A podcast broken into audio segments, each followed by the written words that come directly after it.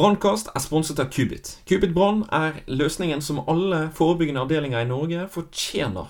Automatisert, rask, Tilda-integrert, og ikke minst ser det kjempefett ut. Sjekk kubit.no for mer informasjon og bok en demo.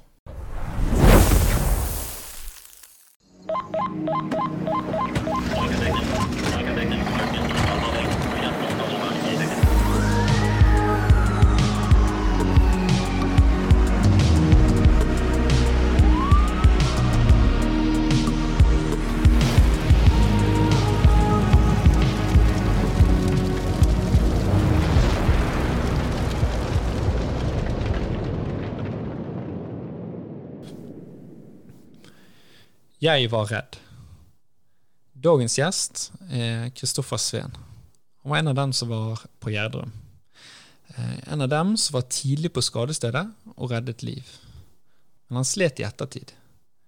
Eh, denne episoden handler om tiden etter Gjerdrum og veien tilbake. Kristoffer er virkelig en tøffing, og i denne episoden så slår han ned noen vegger for jobben etter jobben. For det er ikke alle som kommer hjem uten ekstra bagasje. Kristoffer er nå gjest hos meg i dag for å fortelle sin historie, i håp om at andre kan få hjelp, de òg. Velkommen, Kristoffer. Tusen takk. Så ja, Kristoffer, hva skjedde 30.12.2020? Ja, 30.12.20 så fikk vi katastrofealarm ca. klokka 04.14.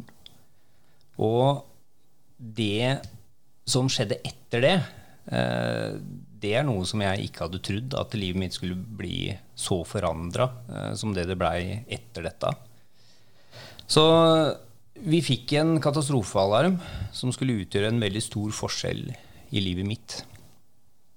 Og jeg har jo jobba i brann og redning siden 06, så noe erfaring det begynner jeg å få. Men uh, den erfaringen jeg skulle få nå, den uh, hadde jeg aldri kunnet tenkt meg at jeg skulle få.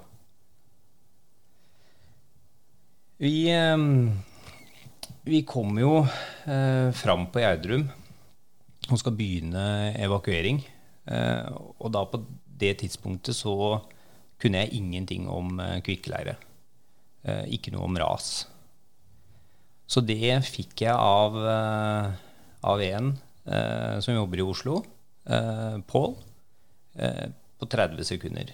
Og så skulle vi starte vår innsats med å evakuere alle som eh, var på oversiden av eh, skredet. Idet vi skal begynne evakueringa, da begynner vel kanskje det som gjør at uh, livet mitt forandrer seg veldig. Da begynner det med at jeg får en fryktelig vond magefølelse på at dette er nok eh, siste gang jeg ser alle disse her i livet. Eh, for nå kommer det til å gå gærent.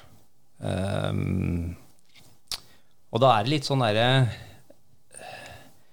Litt sånn vanskelig å sitte som utviklingsleder, og så skal du sende ut da de gutta som du er eh, veldig veldig glad i, og som kanskje er så nære en familie du kan komme, ut i noe som er noe vi kanskje ikke kommer hjem ifra. da. Men gevinsten var så høy. Eh, gevinsten var så fryktelig mange menneskeliv. Eh, så den følelsen, den har, eh, den har sittet lenge i. Eh, det gjorde at jeg i en veldig lang tid så på meg sjøl som en veldig dårlig leder, eh, og egentlig et veldig dårlig menneske. Eh, fordi jeg var villig til å ta den risikoen på vegne av noen andre. Um, men uh, som sagt, gevinsten var så høy at vi måtte bare ta den risikoen. Hva gjorde dere da dere kom til uh, skadestedet? Først så prøvde vi oss å få uh, litt oversikt, for det var veldig kaotisk. vi satt på veldig begrensa informasjon. så vi prøvde oss å få den informasjonen som fantes på stedet der, Eh, sånn at vi hadde mest mulig informasjon før vi skulle gå i eh, innsats. Da fikk vi en sånn liten eh, At fra der vi sto, Ask sentrum, og til der vi skulle begynne evakueringa, så var det ca. en kilometer. Og det var eh, Det var ca. 30 hus som hadde blitt tatt. Eller boenheter. Og det var Det var én kilometer langt skred. Det var sånn røftlig det vi satt på av informasjon.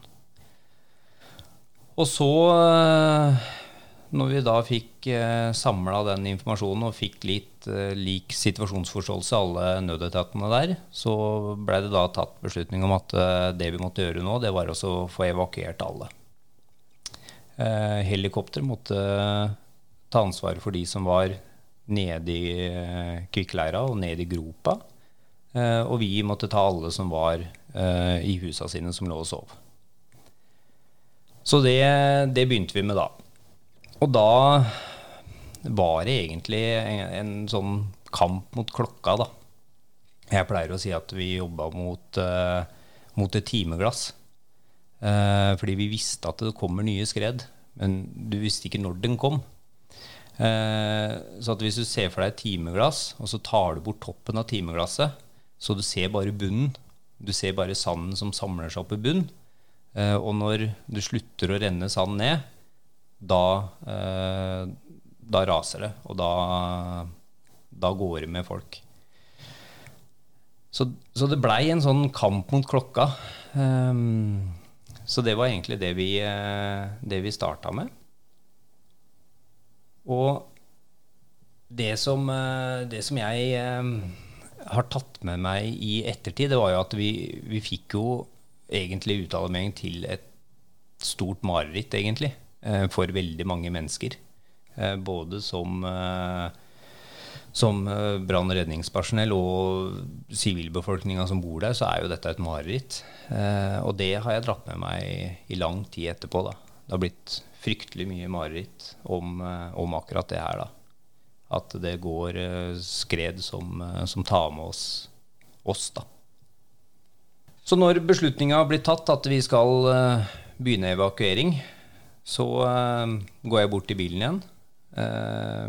Og da kjører vi rv. 120 innover.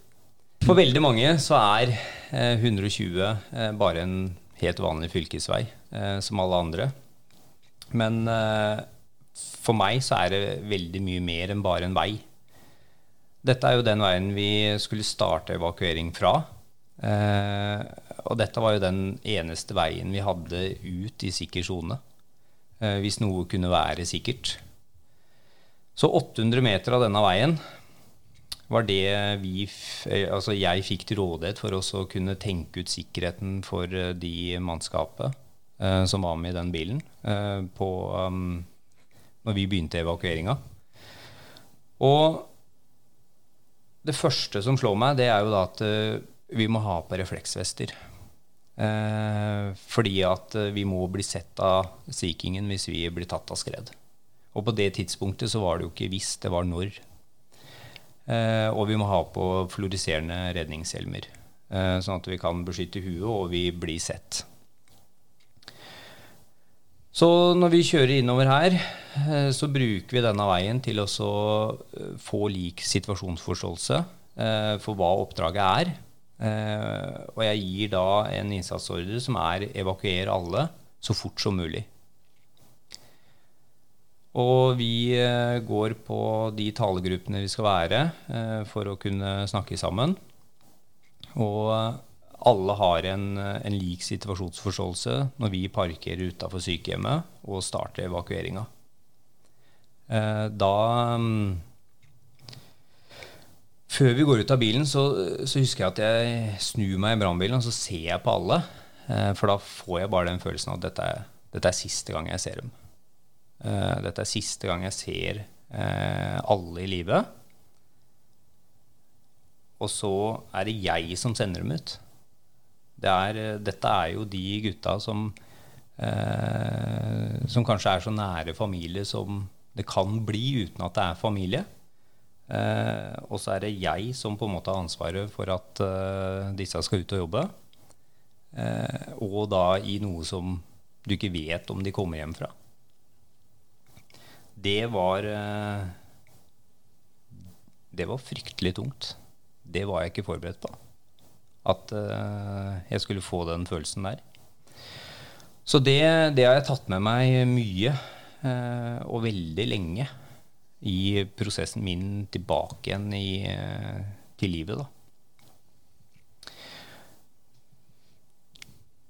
Og så går jo egentlig dette veldig bra, sett med våre øyne. Altså fra vi parkerte på Gjerdrum, fra brannressursene og nødetater og alle frivillige fant hverandre, så var det ingen flere som omkom. Eh, så det, det, var jo en vellykka førsteinnsats. Eh, alle som har omkommet, har jo omkommet før vi egentlig har uh, kunnet komme fram. Så det har jo vært en veldig vellykka førsteinnsats.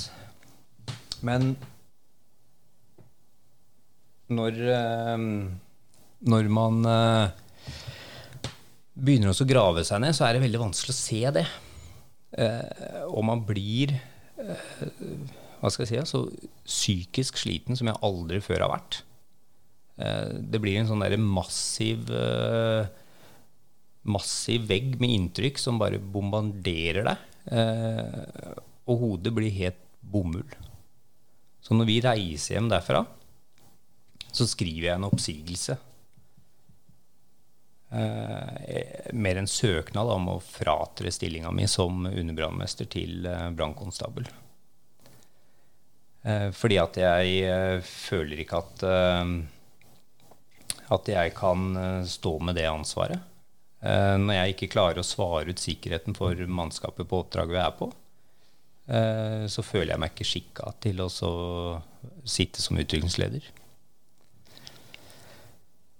Og fra den tiden så begynner det for alvor å gå nedover for meg, da.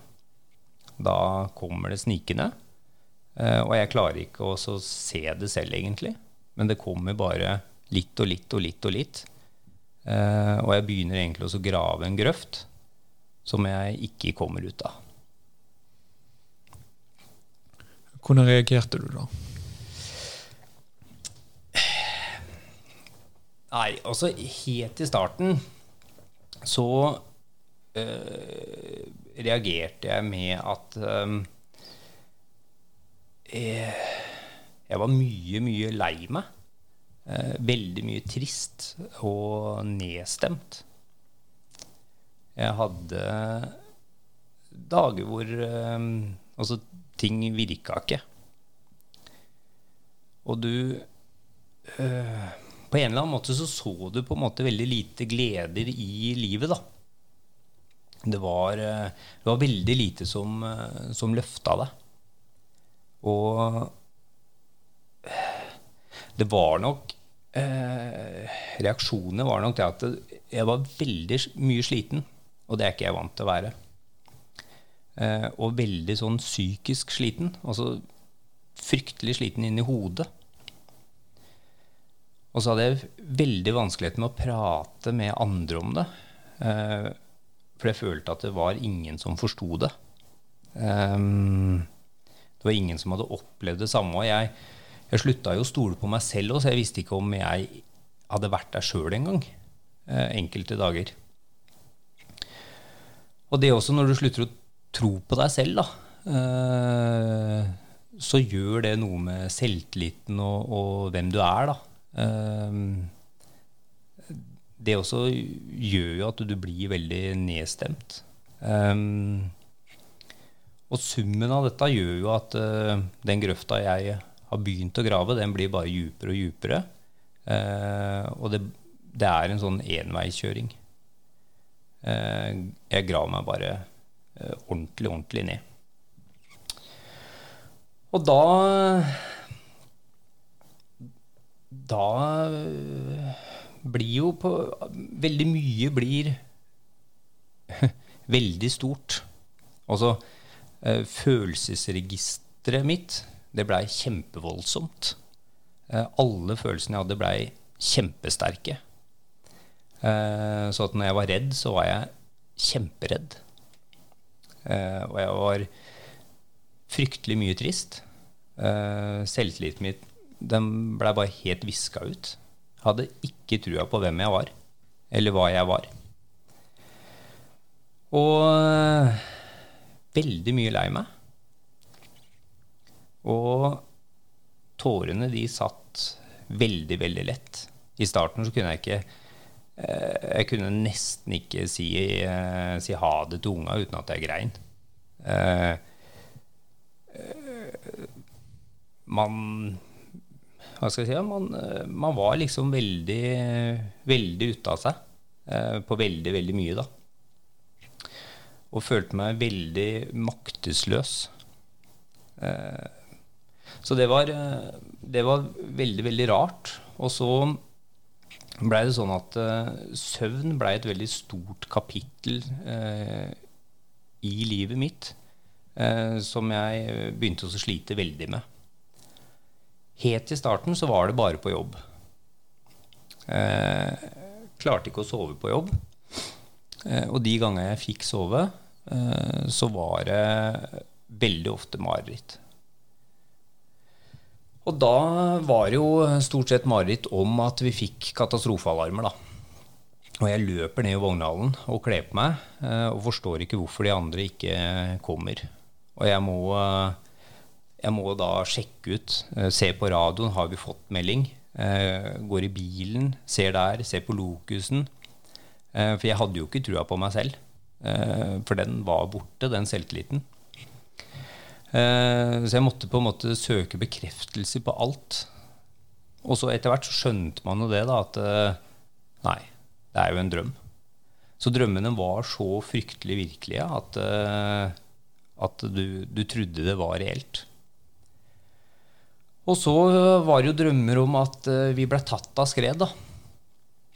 Eh, I starten så var det jo at eh, man så at de som satt på bilen, forsvant eh, ut i det svarte og ingenting og blei bare borte. Noen ganger så var det at vi alle ble tatt. Og etter hvert da så, så slutta jeg bare å sove. Først på jobb, og så begynte dette hjemme også. Eh, og da blei det for alvor et kjempeproblem for meg. Da begynte jeg å få eh, fryktelig store utfordringer. Det som jeg trodde da, det var jo at nøkkelen var at jeg måtte, jeg måtte trene. Jeg måtte løpe. Jeg har alltid vært veldig, veldig glad i å løpe. Syns det er uh, kjempeålreit. Uh, og har brukt det som en sånn hva skal jeg si, en god metode for å um, nullstille huet litt etter at du kommer hjem fra en vakt. Og det Det må jeg bare si at det, det fikk jeg ikke til nå. Fordi det som uh, skjedde nå, det var at uh, jeg begynte også å kjenne på en sånn eh, lykkefølelse når jeg løp. Og så begynte jeg å legge merke til det at wow, jeg klarer også å styre tankene mine mer eh, når jeg er helt nedslitt. Når jeg ikke orker noen andre ting, eh, så klarer jeg til dels også eh, tenke på at jeg skal ha det ene beinet foran det andre. Og da, når du ikke har kjent deg lykkelig eh, eller en lykkefølelse på en del måneder, og så plutselig begynner du å kjenne snev av noe som er lykke, Eh, så blir du veldig avhengig av det. Eh, for det er en veldig god følelse som jeg ville ha mer av. Og da blei dette starten på en ond sirkel for løpinga. Fordi jeg måtte løpe meg i senk for i det hele tatt klare å slappe av litt. Kroppen min var da på det tidspunktet her i en kjempealarmberedskap hele tiden. Den var i helspenn. Og jeg løp meg eh, helt i senk, og da var jo det største, eller den største utfordringa jeg hadde da, det var å planlegge sånn at uh, når kroppen kollapsa, så måtte jeg være veldig i nærheten av huset mitt. Sånn at jeg kom meg inn. Og da begynte jeg også å få et tall i hodet mitt, og det var 22 500. Det var antall skritt jeg hadde gått fra vi fikk utalarmering, Eh, til klokka var ca. halv ni eh, på morgenen. Det var når det begynte å bli lyst. Da hadde jeg gått 22 500 skritt. Og da blei det en sånn, at, en sånn, greie for meg at jeg måtte klare det så fort som overhodet mulig. Sånn at jeg kunne klare å evakuere enda fortere. Vi kunne være i farlige områder kortere tid. Um, og det, det, gjorde jo ikke dette så veldig mye bedre, da. Så begynte folk også å bemerke dette, da. Og da måtte jeg begynne å kutte ut og ha med meg klokka. Jeg hadde én tur som var uh, den turen som jeg loggførte, uh, som alle så. Og så hadde jeg kanskje én til tre turer som bare jeg så. um, og da, når du kombinerer det med å ikke sove om natta, så, um, så, kollapser du til slutt. Og det, det, det gjorde jo jeg. Og da uh, skulle jeg også um, egentlig ta vare på to unger. 50% og det, det, begynte jeg å slite skikkelig med. Um, sånne enkle ting som å huske at de skal på trening til riktig tidspunkt og sånne ting, uh, det hadde jeg ikke sjans til å henge med på. Um, da var det ordentlig, ordentlig bomull inni hodet. Og da, da, begynte, da begynte jeg å få en følelse av at det var, det var meg mot verden. Jeg hadde veldig mange mennesker rundt meg. Uh, men de, de uh, hadde ikke de tankene, de hadde ikke de drømmene, de mareritta eller uh, Kroppen deres var ikke i den alarmberedskapen. og da da følte jeg på mange måter at jeg var helt aleine i hele verden. og og da husker jeg at jeg, jeg, får en sånn følelse at du ligger på bakken, og så holder du på en måte verden over deg sjøl. Eh, og den er tung, ass. Den er, den er blytung. Og da da, da innser egentlig at dette her Dette klarer jeg ikke aleine. Jeg er en person som Eh, har veldig trua på åpenhet, og um, hvis jeg sliter med noe, så er det en gevinst at de rundt meg vet om det. For da kan de eh, hjelpe meg på best mulig måte. Hvis de ikke har en forståelse av hva jeg sliter med, eh, så vil de heller ikke kunne hjelpe meg. Så da ringer jeg til, uh, til brannmesteren, som jeg har, og fortalte åssen jeg hadde det.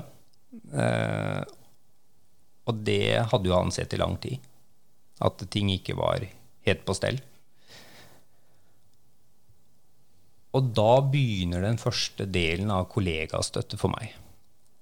For når jeg kommer dagen etterpå på vakta, så kommer jeg til dekka bord.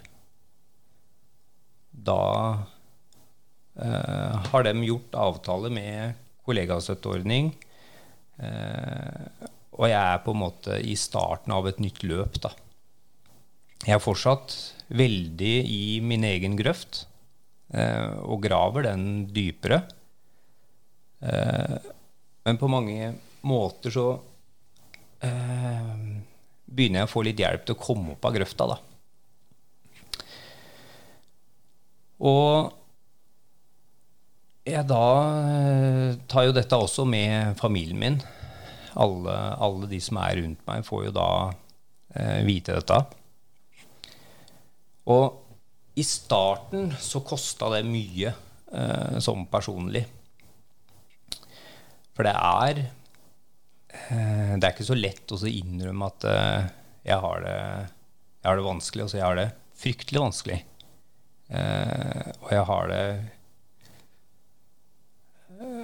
jeg har det veldig vondt. Og så blottlegger du deg for, for alle. Jeg gjorde jo det for, eh, eh, for eksen min, f.eks. For eksempel, eh, fordi at barna mine skulle få den omsorgen som de Som de trengte fra henne, da. Den, eh, den om, omsorgen som jeg ikke klarte å gi. Og så eh, kom jeg da i kontakt med ambla.no, som da de jobber etter en sånn RITS-metode. Det er rekonstruksjon og integrasjon av traumatisk stresslidelser, eller stressopplevelser. Og det er en sånn samtaleteknikk eh, som de bruker, som eh, som hjalp meg veldig, da. Eh, samtidig som at jeg var helt åpen med alle rundt meg. Jeg gikk også til eh, fastlegen, for jeg var veldig rådvill. Altså, hva, hva er det jeg skal gjøre? Åssen hjelp er det jeg trenger? Og eh, på det tidspunktet her så trodde jeg at jeg ikke kom tilbake igjen i brannyrket. Eh, det var jeg ganske sikker på. Fordi eh, når du ikke klarer å Når du ikke klarer å følge barna dine på håndballtrening, så så jeg ikke for meg at jeg skulle klare å komme tilbake igjen på, på jobb. Men eh, hos legen så øh, Hva skal jeg si? Du, du tolker mye feil, da, egentlig. Eh, fordi at du, du, har et veldig vrengt bilde på deg selv. Så først så sier jo legen da at du Legen sier da til meg at uh, du har uh, pådratt deg uh, arbeidsrelatert psykisk lidelse. og nå skal vi søke hjelp for deg på DPS. Det er dagpsykiatrisk senter. Og eh, når jeg begynte å lese om det, så, så blei jeg plutselig pasient også. Eh, og så ikke nok med det at jeg var Jeg hadde fått en, eh, en sjukdom. Jeg var også nå plutselig pasient i tillegg. Og det var eh, Det var ganske vanskelig å svelge. Eh, samtidig som at du eh, ikke klarte å stå opp av senga eh, enkelte dager. jeg turte ikke å gå på butikken. Så de dagene så fikk jeg jo familien til å handle for meg. Hvis, hvis unga var her da, hos meg, så, så, var det jo de som var med meg og var min trygghet på butikken.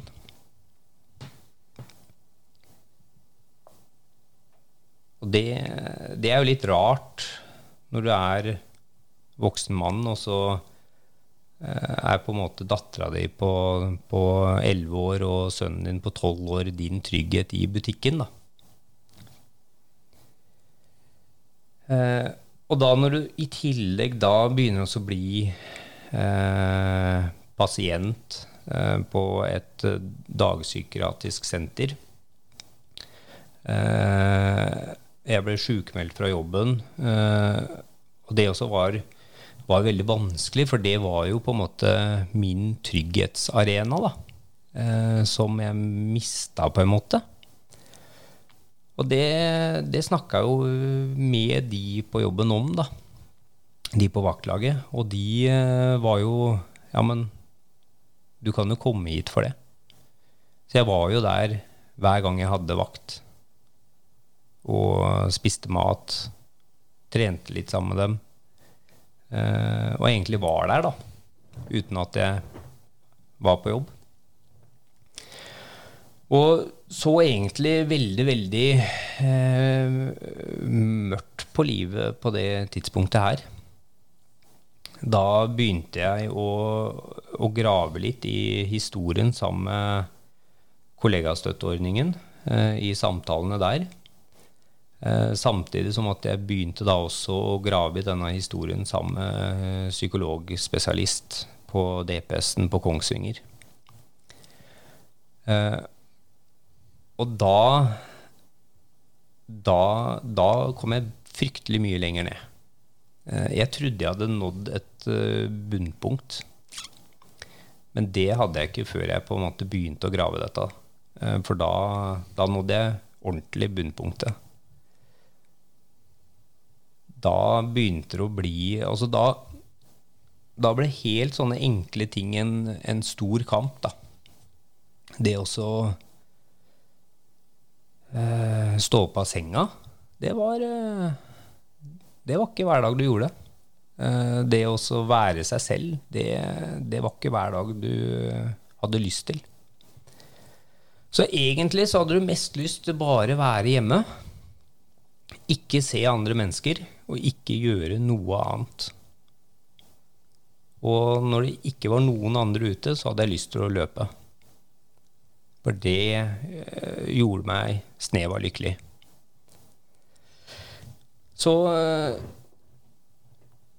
etter hvert som man da åpner seg opp for eh, alle rundt Jeg deler jo alt jeg gjør, og alt jeg sier, og alle opplevelsene mine med alle på jobb, hele familien min og alle vennene mine. Eh, så alle har veldig innsikt i hvor jeg er hen. Og det hjelper meg da mer enn det jeg egentlig vet sjøl. Eh, det har jeg sett nå i ettertid. Eh, for hvis ikke jeg hadde gjort det, så hadde jeg nok gravd den grøfta mi mye dypere. Fordi sånn som uh, familien min, da, altså de, de kom hit. Uh, de, de, ga meg den omsorgen som, som jeg trengte på det tidspunktet. De på vaktlaget, de, de etterlyste meg når jeg ikke kom. Og og man da hadde på en måte et sånn sikkerhetsnettverk rundt seg sjøl, da. Og det hadde jeg ikke hatt hvis ikke jeg hadde vært åpen. Eh, så jeg delte absolutt alt. Eh, det også gjør deg veldig sliten, for da hadde jeg ingen hemmeligheter. Eh, for noen. Alt var åpent. Men det, det gjør igjen at alt jeg gjør, trenger jeg ikke å skjule. Uh, hvis jeg har behov for å grine et sted, så, så, blir det veldig naturlig for meg å bare gjøre. Fordi at uh, de vet hvorfor. Uh, hvis jeg ikke har lyst til å snakke, uh, hvis jeg bare har lyst til å være i nærheten av noen andre, så var det veldig enkelt. For da hadde de forståelse for det fra før av. Så, så det hjalp meg veldig det å være åpen uh, og søke hjelp. For det fins fryktelig mye god hjelp. Etter hvert så uh, forteller uh, kollegasøtten meg at jeg tror du skal lage deg et tall som, som, sier noe om antallet dere som du var med på å redde i evakueringsarbeidet. Og da blei jeg litt sånn usikker i starten, for jeg litt sånn Ja, det, det, kan jeg gjøre, men hva skal jeg med det? Han øh, mente da at jeg skulle sette det tallet øh, veldig høyt. Jeg skulle ikke runde ned, men heller opp, øh, for det var veldig mange mennesker vi evakuerte den natta. Så, så jeg tenker at da, da setter jeg 100 det var antall dører som jeg slutta å telle at vi banka opp. Og så Etter hvert som jeg jobber med dette, her, så får jeg veldig trua på, på, det her. Så jeg tenker at dette her skal jeg gjøre til noe mer enn bare det tallet. Så rundt 100 så setter jeg et hjerte rundt. Eh, for jeg da jeg skal lage det til mitt tegn. Det skal være det skal være mitt tegn på, eh, på at dette gikk bra. eh, og at, eh, at jeg, er, jeg er 100% Så jeg setter to streker under det svaret. Eh, så under 100 så står det to streker. Og oppe i hjørnet så er det den skigarden som eh, Gjerdrum kommune bruker i kommunevåpenet sitt. Og det, det tegnet, det tar jeg da og så um, tegner opp i, eh, på lapper i hele huset. Sånn at jeg hele tiden blir påminnet av det som er positivt, det som er bra. Eh, jeg tegner det opp på speilet på soverommet, sånn at hver gang jeg har mareritt og våkner, så kan jeg bare se rett på det tegnet mitt. Eh, det er det siste jeg ser på før jeg legger meg, og det er det første jeg ser på før jeg står opp. Jeg har det på speilet, eh, på badet. Uh, overalt i huset her så henger det sånne tegn, da. Og så var det litt sånn Dette her skal liksom bety litt for meg. Så tallet 100 uh, det betyr liksom at du skal gi 100% Og hjertet med 100, det er liksom Det er at jeg gir 100 eh, rett ifra hjertet. Og vi jobba med hjertet utapå drakta. Og når jeg er på jobb, så er jeg der 100% Og jeg er her 100% for en tredjepart. 100% ble redda etter vår ankomst, som vi hadde mulighet til å redde. Og jeg skal være her 100% til stede for andre mennesker. Og kanskje det som er eh, viktigst for meg, da, det er at eh, jeg er 100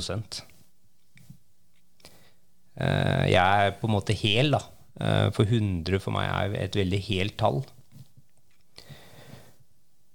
Og da etter hvert så, så blir det et sånn veldig sånn positivt tegn, da, som jeg, eh, som jeg bruker eh, veldig bevisst. Og når det da nærma seg jul, eh, når vi kommer til desember, så er det jo ikke noe hemmelighet at eh, desember har vært en eh, det har vært en ganske tøff måned, det òg, selv om jeg har kommet over veldig mye. Fordi jeg veit jo hva som ligger i uh, slutten av desember. Uh, det er for meg ikke nyttårsaften. Uh, det er jo egentlig den natta som er starten på noe som er fryktelig vanskelig. Og da skrev jeg 'God jul' under det tegnet. Eh, fordi eh, de menneskene får lov til å, å feire jul, da. Og det er ikke brått sikkert de hadde fått lov til hvis ikke vi hadde gått til innsats den natta. Så det ligger eh, veldig mye eh, bearbeidelse og og timer bak det, det tegnet. da. Eh, så derfor så har det blitt et veldig eh, sterkt tegn for meg personlig, da. Det tallet 100 og hjertet med to streker under 100. Ja, for blant annet så var jo eh, når vi var på brann- og redningsmessa, mm. så visste jo jeg at dette skulle mm, Den ene dagen skulle handle om Gjerdrum. Mm. Så det planla planla jeg, sammen med både kollegastøtten og øh, psykologen. Mm. At egentlig hele den dagen skulle handle om bearbeidelse. Jeg skulle få øh, massive inntrykk om Eh, noe som har påvirka meg i fryktelig negativ grad. Eh, og så skulle jeg jobbe med det etterpå. Og å være der eh, Det var ganske tøft, altså. Da var det eh, hver, eh, hver pause så var det ut på do. og, og grine og få på en måte ventilert, da. Og gjøre seg klar for neste bolk. Og når, når, eh, når den var ferdig, eh, så var det da eh, rett til psykologtime, da. Og jeg visste jo at dette skulle bli tøft. Så jeg hadde jo planlagt veldig mye. Eh, for jeg hadde veldig trua på at det ville være veldig bra for meg. da. Eh, akkurat der jeg var til det tidspunktet. Så jeg hadde jo eh, alliert meg med at noen eh, skulle på en måte komme innom og sånne ting. Eh, sånn at du, du kan være litt alene, men ikke hele tiden heller. Eh, du skal ikke grave deg ned. Og så var det da til eh, reise til psykologen etterpå, og så på en måte få ventilert ut det siste, da. Så det har vært uh, ganske mange timer man har lagt ned, men det har på en måte vært verdt det, da. Du ser ikke noe gevinst med en gang. Uh, med en gang så ser det ut som at du bare går utfor et stup og aldri lander. Uh, men så begynner du sakte, men sikkert å se at du faktisk lander, da. Eh, og du lander da med ganske høye stilkarakterer. Så eh, å glemme det, det fungerte ikke for meg. Eh, ikke snakke om det og ikke bearbeide det, eh, det virka ikke for meg. Eh, så jeg måtte snakke med folk om det. Jeg måtte ha eh, arbeidskollegaer jeg snakka med, eh, kollegastøtteordning jeg snakka med, eh, psykologer, eh, venner og familie som jeg hele tiden lufta ut ting. Eh, noen ganger snakka du i en foss, eh, og andre ganger så snakka du egentlig ikke i det hele tatt. Du bare var til stede hos noen andre. Eh, for da var du ikke aleine, i hvert fall. Og, og det er jo kanskje det som gjenspeiler hvem jeg ser på som mine helter, da. Det er jo Også kollegaene mine er jo kjempehelter eh, i mine øyne. Og det samme er kollegastøtteordninga. Eh, familien min og, og vennene mine. De, eh, de har betydd så utrolig mye for at jeg skal få en eh, personlig eh, en suksesshistorie, da. For det var det ikke gitt. Eh, jeg hadde aldri klart dette aleine. Det er jeg helt sikker på. Eh, så derfor så har jeg på en måte noen sånne Og så når du på en måte mister trua på deg selv, så er det veldig godt at andre har det. Eh, jeg hadde jo samtaler med, med vaktlaget jeg er på, og, og sa det at dere må eh, Hvis dere ikke har trua på meg eh, som leder, eh, så er det ikke så viktig for meg å være leder. Eh, da må dere si ifra. Og da snur de seg og så sier de at når, når du eh, verdsetter oss så høyt, så får vi bare mer trua på deg som vår, altså at du skal være utrykningsleder for oss. Så eh, det gir deg veldig gode svar, da. Det, det gir deg veldig mye tilbake igjen. Eh, og det, eh, det forholdet mellom, mellom oss har jo blitt veldig åpent og, og ærlig og ja, veldig, veldig sterkt forhold. da. Man har blitt veldig, veldig glad i de menneskene. Eh, man var veldig glad i dem før òg, men nå enda mer. Eh, fordi at man, man, gjør veldig mye for hverandre for at andre skal ha det godt. da. Så for meg så er nok dette summen som gjør at jeg på en måte nå igjen elsker livet. da. For det gjorde jeg før også. Eh, og nå har jeg har jeg på en måte Jeg har prøvd å glemme det. Jeg har prøvd å løpe det bort. Eh, jeg har prøvd å bearbeide det. Jeg har prøvd å face det. Eh, og jeg har eh, prøvd å være åpen og gjort alle disse tinga. Og det har på en måte virka. I starten så feila jeg. Da feila jeg skikkelig. For det gikk ikke å glemme det. Det gikk ikke å løpe det bort. Og så fikk jeg da en ny taktikk. Være åpen. Og det virka. Det virka veldig, veldig godt for meg. Og det gjør veldig vondt å innrømme at man har det vanskelig. Men det gjør enda vondere å ikke gjøre det. Eh, og for meg så er det Det er noen som sier at eh, altså, dette har gjort deg sterkere. Også at du har fått disse traumatiske opplevelsene og har på en måte gjort deg sterkere. Eh, og det har jeg brukt litt tid på å tenke gjennom. Og da er det liksom Det, det jeg lander på da, er at uh, traumene mine, de gjorde meg ikke sterkere. De gjorde meg traumatisert. Uh, og så var det jobben jeg gjorde etterpå, som gjorde meg sterkere. Og så har jeg brukt litt tid på også alle disse reaksjonene jeg har hatt etterpå, eh, det er jo egentlig naturlige overlevelsesinstinkter eh, som gjør at vi har overlevd som menneske over tid. Eh, det er jo de som slår inn. og det er normale reaksjoner. Men det er jo situasjonen jeg har vært med på, som er unormal.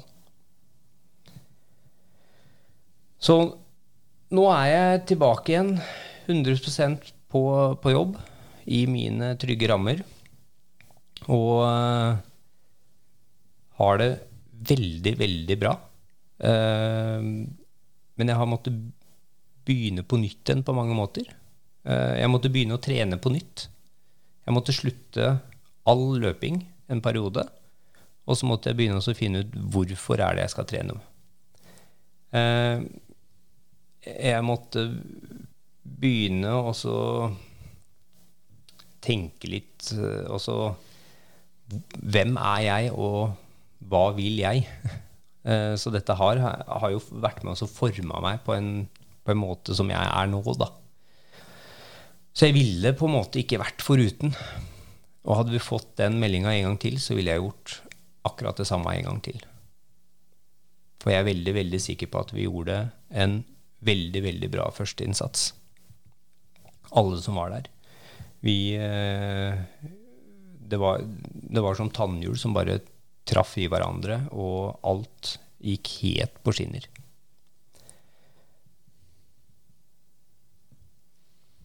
Så